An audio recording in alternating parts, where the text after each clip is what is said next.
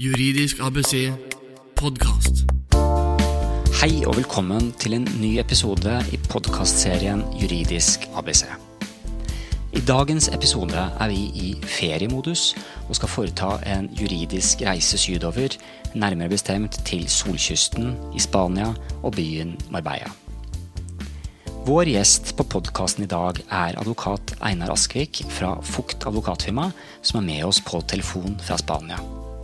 Han skal forklare oss om hvordan reglene er for kjøp av eiendom i Spania, og komme med gode tips i forbindelse med slike eiendomskjøp, og advare mot typiske fallgruver. Einar Askvik er utdannet cand.jur. på Universitetet i Oslo i 1976, og fikk advokatbevilling i 1978. Han har videre tilleggsutdanning fra BI og praksis fra bl.a. Norges største advokatfirma, velrenommerte Vikborg Rein Co. Videre er han altså founding partner i Fugt advokatfirma, som har drevet i Spania siden 1999. Einar Askvik har en lang karriere med internasjonalt fokus og vært bosatt så ulike steder som Rotterdam, Chicago, Antwerpen, og bor nå med sin familie i Marbella. I tillegg til arbeidet med fast eiendoms rettsforhold, benyttes Einar som forretningsadvokat og i styrer for internasjonale firmaer, særlig med maritim tilknytning. Einar, jeg har gitt eh, lytterne et raskt overblikk over din omfattende CV og mangslungne praksis. Men kan du fortelle litt mer om deg selv personlig og firmaet dere har i Spania? Ja, jeg eh, begynner å komme til skjells år og alder. Eh, men jeg er 110% aktiv. Jeg har som sagt da, som du nevnte, Eivind, så har jeg jobbet hos Vikborg Rein. Og så har jeg vært partner i et maritimt advokatfirma hvor vi hadde kontorer i Stockholm, Antwerpen eh, og Singapore og hovedkontor i Oslo. Og etter 18 år i Antwerpen så fant min kone og jeg ut at da var barna eh, ute av redet, og at vi nå måtte få en ny utfordring. Og da så vi oss rundt i verden hvor det kunne være interessant. Og vi fant ut at Spania for fremtiden Dette var altså tilbake i 1999, for 15 år siden. Vi fant ut at Spania for fremtiden ville være et interessant investeringsland for uh, nordmenn som ville ha ferie, et feriehus eller ferieleilighet. Og valget falt da på Marbella, hvor vi kom. Jeg startet alene her i 1999, og vi er nå ti medarbeidere, både spanske og norske advokater og saksbehandlere. Så din analyse var eh, rimelig treffende. Jeg så at eh, DNB, som vel har et Luxembourg-kontor, de eh, estimerte at 20% av nordmenn som kjøper eiendom i Spania, de kjøper i Marbella. Det stemmer nok. Vi, vi har oppdrag fra Kanariøyene og til nord i Baskeland. Men vi fokuserer på området fra Malaga til Gibraltar. Og det, det underlige er at Eller det er ikke så underlig. Det er rimelig logisk at faktisk siden 2008 så har vår omsetning steget år for år, og det beste året vi noen gang har hatt, det var i 2012. Og det ble også toppet i 2013. Og 2014 ser helt maken ut. Og grunnen til dette, som jeg sa, er, er rimelig enkel, og det er at eh, normen har fått eh, mer likviditet. To er at Marbella har blitt mer stuerent. Eh, før var Frankrike det stedet som mange nordmenn eh, ville reise til. Av kulturelle og historiske og eh, frankofile grunner. Mens nå er flere og flere vender nesen ned hit fordi det er et bedre helårsklima her enn i Frankrike. Ja, jeg må bare si det. Jeg har vært, som du kjenner til, jeg har vært i Spania årlig i 25 år eller noe der omkring. Og det er jo et helt fantastisk eh, sted, og jeg må jo si til, til lytterne av podkasten at eh, kontoret du har, det ligger jo i hovedgaten i Marbella, helt sentralt, og, og er et, hva skal man si, et, et, representativt kontor. Ja, det er faktisk Eivind, blitt slik at det er det største og eldste eh, norske advokatkontor i, i Spania. Og vi har altså, som jeg sa, hatt så mye å gjøre at vi Jeg trodde jo det at vi skulle opprette avdelingskontor både i Barcelona og Madrid, men det har jeg aldri fått tid til. Og ikke har jeg tenkt å gjøre det nå heller, for det må være grenser for hvor mye man skal jobbe. Eh, jeg kan også fortelle litt om hvordan det er å Profesjonelt sett så er det spesielt å jobbe her. Det er en spansk, spansk mentalitet.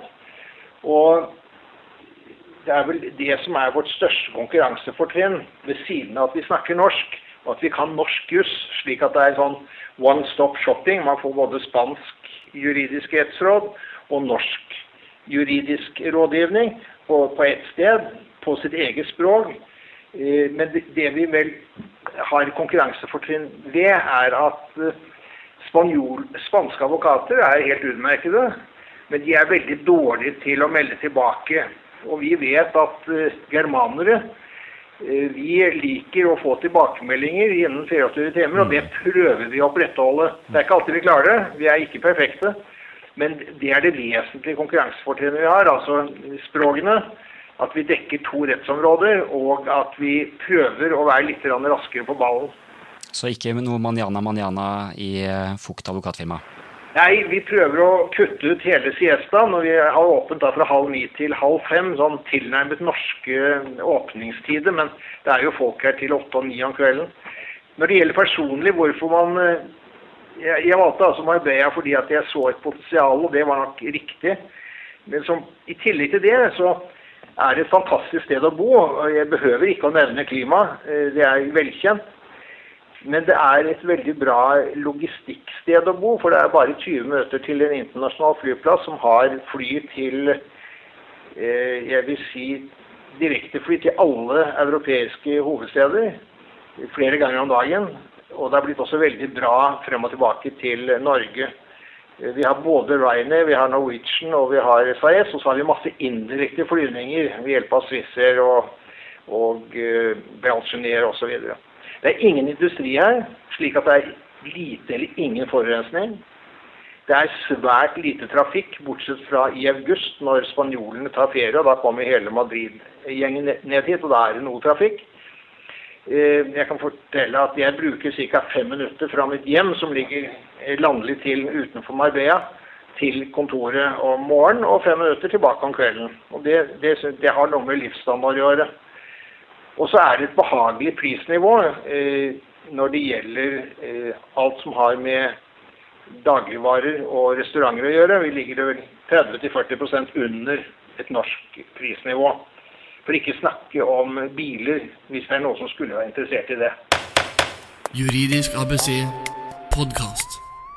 Når vi begynner å snakke om eh, priser og prisnivå, Einar. Eh, det har vært mye skriving, som du sikkert kjenner til, i norske medier angående prisutviklingen i Spania. og det eh, har vært en del artikler som jeg har registrert, hvor man eh, fremstiller det som at det har vært et krakk. Og det er kanskje riktig i enkelte segmenter, men, men, kan du gi en veldig sånn raskt overblikk over hvordan eiendomsprissituasjonen er i Spania for, for øyeblikket? Ja, et lite historisk tilbakeblikk er nødvendig. Altså, det kom et krakk helt klart i 2007-2008. Det var overbygget. Og eh, folk ble redde for at dette krakket skulle medføre et prisras over hele Spania. Hvilket det gjorde til en viss grad. Men det som media har meddelt, det er liksom at det er bare svart i hele eiendomsbransjen i hele Spania. Det er feil. Marbella har et mikroklima når det gjelder selve klimaet. De har også et mikroklima når det gjelder økonomi. Så vi har vært forskålen fra de verste, eh, verste fallet. Du kan si at de dårligste leilighetene som enten har stått tomme, eller hvor folk måtte selge ganske raskt, var nok nede en 30% i forhold til eh, toppårene, som var 2006-2007. Etter det så har det gått sidelengs, og nå er det helt klart at det er fastere priser i markedet. Det nytter ikke å komme som nordmann og si at hvis, hvis en, en uh, hvis en pris er antydet til la oss si 3 millioner, og komme med et bud på 1,7 eh, da blir man ikke tatt alvorlig lenger. Men at man kan få en reduksjon på en 10-15% det er nok trolig. Det som er problemet, Eivind, det er at Fra 2008 til i dag så er det ikke bygget noen ting i Marbella-regionen. Og hva medfører det? Jo, det er at nordmenn kommer ned og vil gjerne ha noe nytt og noe fresht, og det finner de ikke. Det vil si at det blir et mye mye større press i annenhåndsmarkedet. Og det vil si igjen at annenhåndsmarkedet, eller bruktmarkedet, har fått fastere priser. Først nå begynner byggekranene å vise seg. Jeg kan nevne som en kuriositet at fra min veranda så kunne jeg se 17 byggekraner når det var på topp i 2007. Siden den gang så har det vært null. Og først i år så har det kommet opp fire byggekraner som jeg nå kan se. Da har du en fantastisk indikator der ja, på aktivitetsnivået. Ja, altså det, det er jo ikke noen, eh, det er ikke noen vitenskapelig undersøkelse, men det er ganske interessant. Så eh, prisnivået nå er utflatende, og det blir fastere. Jeg tror at vinduet for nordmenn til å investere, i hvert fall i dette området, eh, vil være ut dette året. Kanskje noe i begynnelsen av neste år, første og annet kvartal. Eh, Men deretter så vil, eh, så vil prisene stige, for det er for mange som vil benytte seg av dette klimaet, av denne logistikken, av restauranttilbudene. Og så er det faktisk ganske mye kultur i Spania når man bare kommer litt i baklandet fra, fra kystområdene. Du hører Juridisk ABC podkast. Eh, Jeg vil gjerne nå at vi fokuserer på eh, kjøpsprosessen eh, og, dykker ned i det. Begynner med det rent praktiske. Man er på reise i Spania, Einar, og, og begynner å vurdere en investering i, i det fantastiske landet, og kanskje også det fantastiske området du eh, bor i. Eh, Hvordan skjer eiendomshandler rent praktisk i Spania? Hjemme så leser vi en annonse i avisen, eller vi går på finn.no, eh, og så er det annonsert en visning, og så går man på visning, møter en megler og, og legger inn bud. Men hvordan skjer denne, hvis vi begynner med den praktiske prosessen, hvordan skjer den i Spania? Ja, jeg vil begynne med å stille et spørsmål til lytterne og, og si hva er det som er forskjellig fra Spania og Norge? Svaret på det er uhyre enkelt. Det er et eh, bokstav, tre bokstaver i et ord, og det er ALT. Alt er forskjellig i Spania. Det, det bør man ta med seg, og ikke komme til Spania og si at ja, men sånn gjør vi ikke i Norge. Nei, det er helt riktig det, for vi er i Spania. Det er det viktigste man bør ta med seg når man skal til utlandet. Det er at ting er ikke som i Norge, og det er ikke alltid Norge som er perfekt. Det er andre som har funnet opp eh, noe som kan være bedre. Og uansett, sånn er det. Og når det gjelder kjøpsprosessen, så er den eh, mye mer komplisert enn i Norge. Punkt én, det er ikke visninger. Punkt to, det er ikke statsautoriserte meglere i Spania. Det er ingen kvalifikasjonsordning for meglere overhodet. De stiller ingen sikkerhet, de har heller normalt ikke egne konti for klientmidler. Dette er ganske viktig som en fallgruve, at man ikke overfører penger før man har kvalitetssikret hvilke megler man har med å gjøre. Her finnes det råtne epler, akkurat som de gjør i gamlelandet.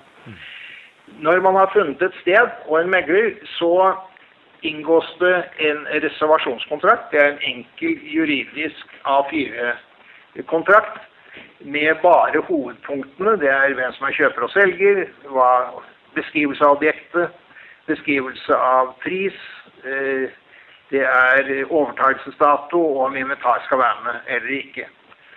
Eh, Det er en kontrakt som betinger et depositum på 3000 euro. Og denne kan brytes uten saklig grunn. Hvis man bryter den, så taper man de 3000 i depositum.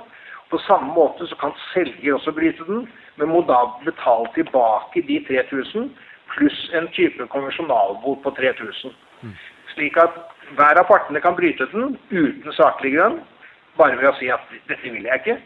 Men da taper man altså depositumet, eller selger taper da eh, et lignende beløp. Deretter, innen 30 dager, så inngås det en kjøpekontrakt som er mer lik det vi er vant til fra Norge.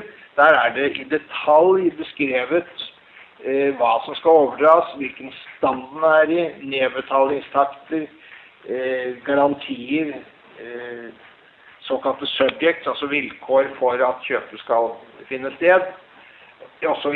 Da innbetaler man 10% depositum i tillegg til de 3000. Og når den er undertegnet, så kommer man ikke ut av kontrakten uten saklig grunn.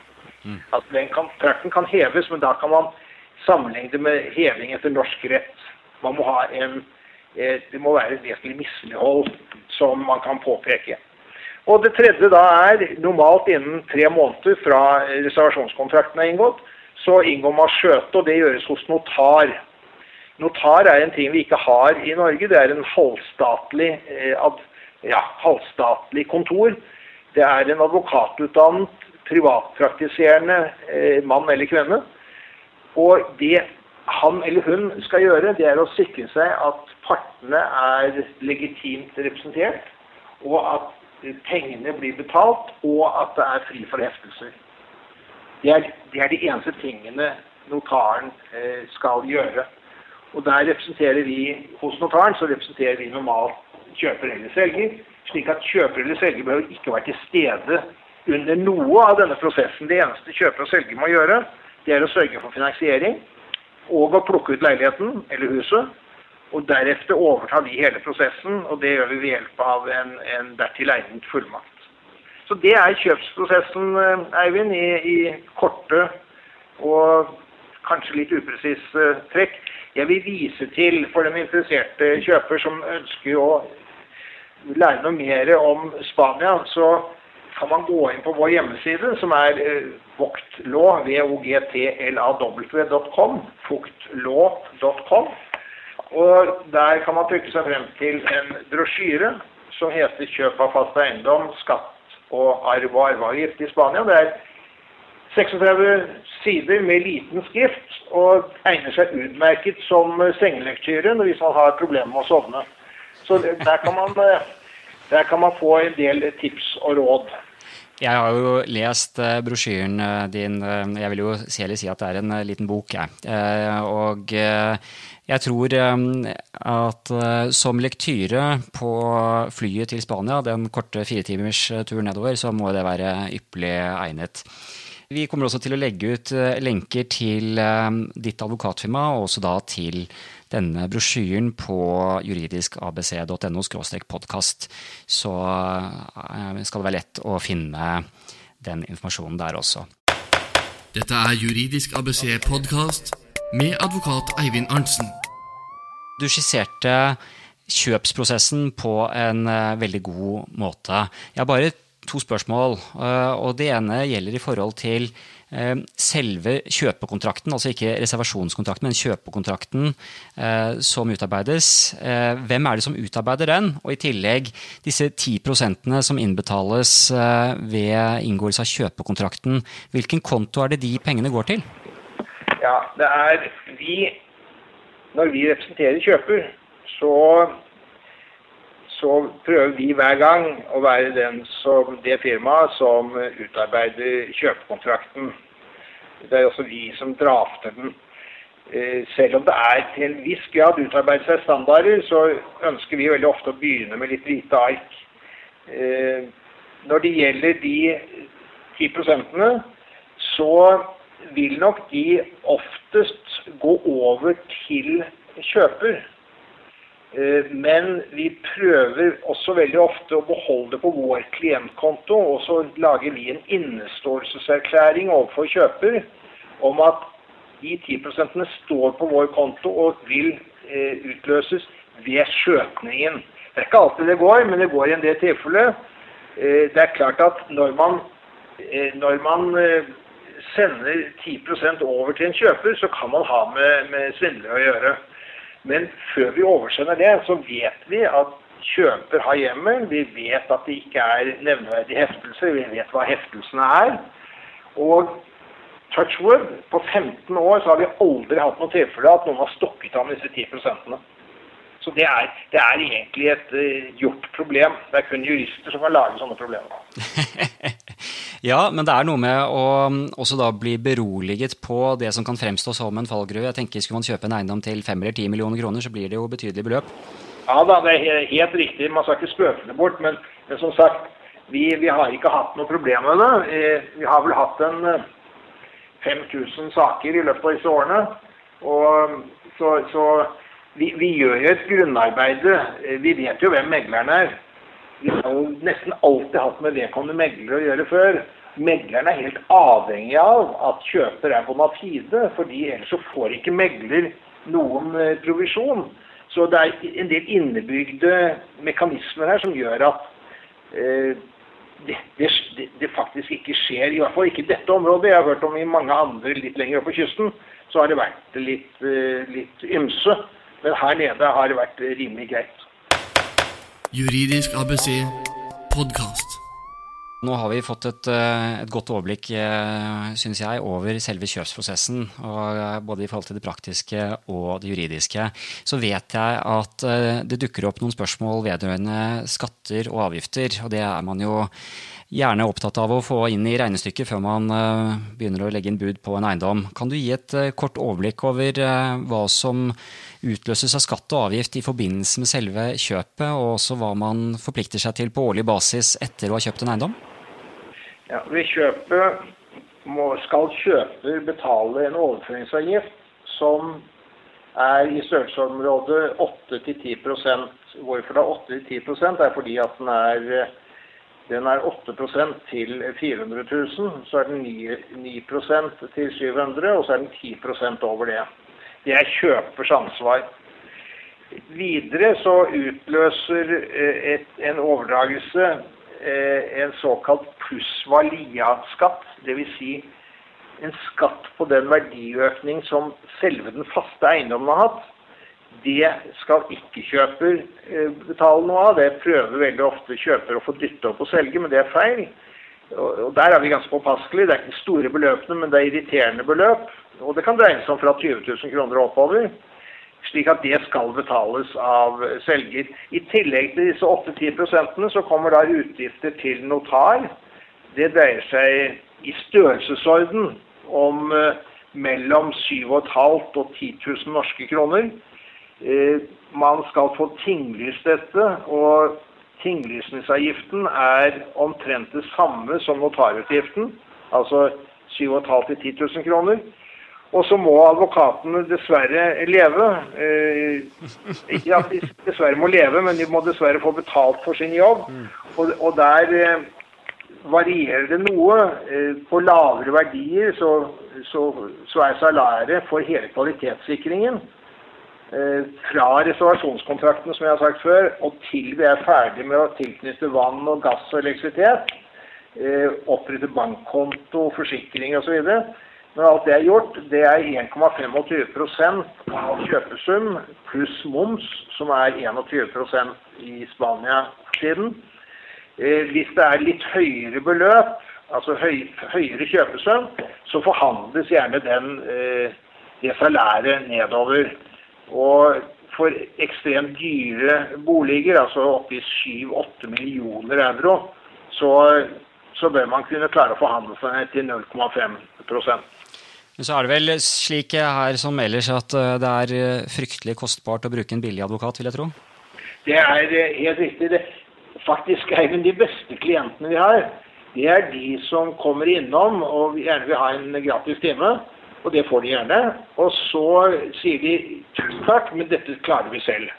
De er de beste klientene vi har. Fordi jeg vet de kommer tilbake enten etter 14 dager, røde i ansiktet og svettende og sier at dette her går rett ad undas fordi det er på spansk alt sammen, og man skal via politikontorer osv. Og, så og det er noen systemer her som man helst skal bo her nede for å skjønne. Eh, enten kommer de tilbake til 14 dager, eller så kommer de tilbake etter at de har kjøpt katta i sekken. Og jeg sier ikke at dette gleder meg, men jeg sier at eh, det er eh, Hvis man tenker pengemessig, så er det glimrende klienter.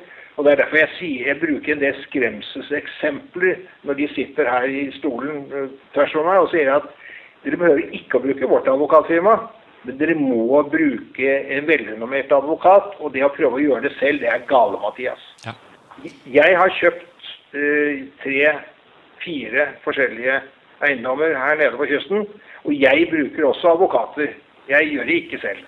Da er vel rådet ganske klart her, sånn. Eh, og i hvert fall, eh, og som du sier, kom komme innom og, og, eller ta kontakt med deg og få en samtale direkte. Så får man vurdere om man vil gjøre det raskt og rimeligere og tryggere gjennom advokatbistand fra dag én, eller om man vil ta risikoen på at det kan bli litt klabb og babb, og kanskje mye av det også, og en mer kostbar prosess over tid. Du hører Juridisk ABC podkast. Nå begynte vi å komme inn på tema temaet risiko og risikoelementer, og jeg prøver alltid å stille spørsmål til ekspertene på podkasten om det er noen spesielle fallgruver å se opp for. Vi har vært inne på flere av de nå, men er det noen, noen flere fallgruver du vil eh, peke på? Ja, hvis man nå kommer ned og, og skulle kjøpe nye, nyere ting, eller ting under bygging, som nå kommer til å, som jeg har nevnt, som kommer til å ta seg opp igjen, så må man være klar over at det er tvingende spansk lovgivning om at entreprenøren skal stille bankgaranti for innbetalte terminbeløp. Og der syndes de i veldig stor grad. De sier ja, og så går det lang tid, og så får man ikke bankgarantien. Og det har skjedd dessverre i mange tilfeller at da så går entreprenøren konkurs, og så har ikke advokaten fulgt opp godt nok. Og så stiller man uh, og kan kreve dividende i boet. Mm det er en helt klart fallgruppe. Så det, det, det må man eh, som advokat følge opp veldig, veldig sterkt. Eh, videre så vil jeg anbefale, hvis man skal kjøpe, enten det er særlig hvis det er brukt, eh, så bør man, hvis man skal ha med seg inventar, så bør man faktisk eh, få frem en inventarliste. Det kan gjøres som dokumentasjon, kan man bruke fotos. Man kan også skrive den opp, men det er viktig å ha med som et vedlegg til eh, kjøpekontrakten. Det, det er merkelig hva folk klarer å krangle om etter at closingen har funnet sted. Det er, eh, og der er dessverre ikke nordmenn noe bedre enn andre. Det er, det er peanuts hva man klarer å, å, å, å, ha som gjenstand for tvistigheter etterpå. Så mm. en invitarliste bør man absolutt uh, ta så bør man være forsiktig med å overta lån fra en entreprenør. Fordi det lånet kan være opptatt på en tid som, eh, hvor rentene var vesentlig høyere enn i dag. Pluss at man får da en spansk bank på den andre siden, og de er ikke alltid like lette å ha med å gjøre. Og så, til slutt, man bør absolutt benytte 750 euro, altså ca. 6000 kroner, på en teknisk befaring av, eh, av eh, leiligheten eller huset forut for skjøtningen. Da kan man få rede på noen skjulte feil og mangler, og man har i hvert fall noe å holde seg til annet enn til selger. Eh, så vi anbefaler alltid å ha en teknisk besiktigelse. Jeg kan kanskje bare kort si noe om skatter ved å eie her. Det er kildebeskatning i Spania. Dvs. Si at man skal skatte for eiendommen i Spania, uansett om man bor i Norge og er skattesubjekt der. Vi har dobbeltbeskatningsavtale mellom Spania og Norge, slik at man ikke behøver å betale skatt av det samme i Norge som man har betalt i Spania. Det kommer da til fradrag, såkalt kreditt, på den norske ligningen.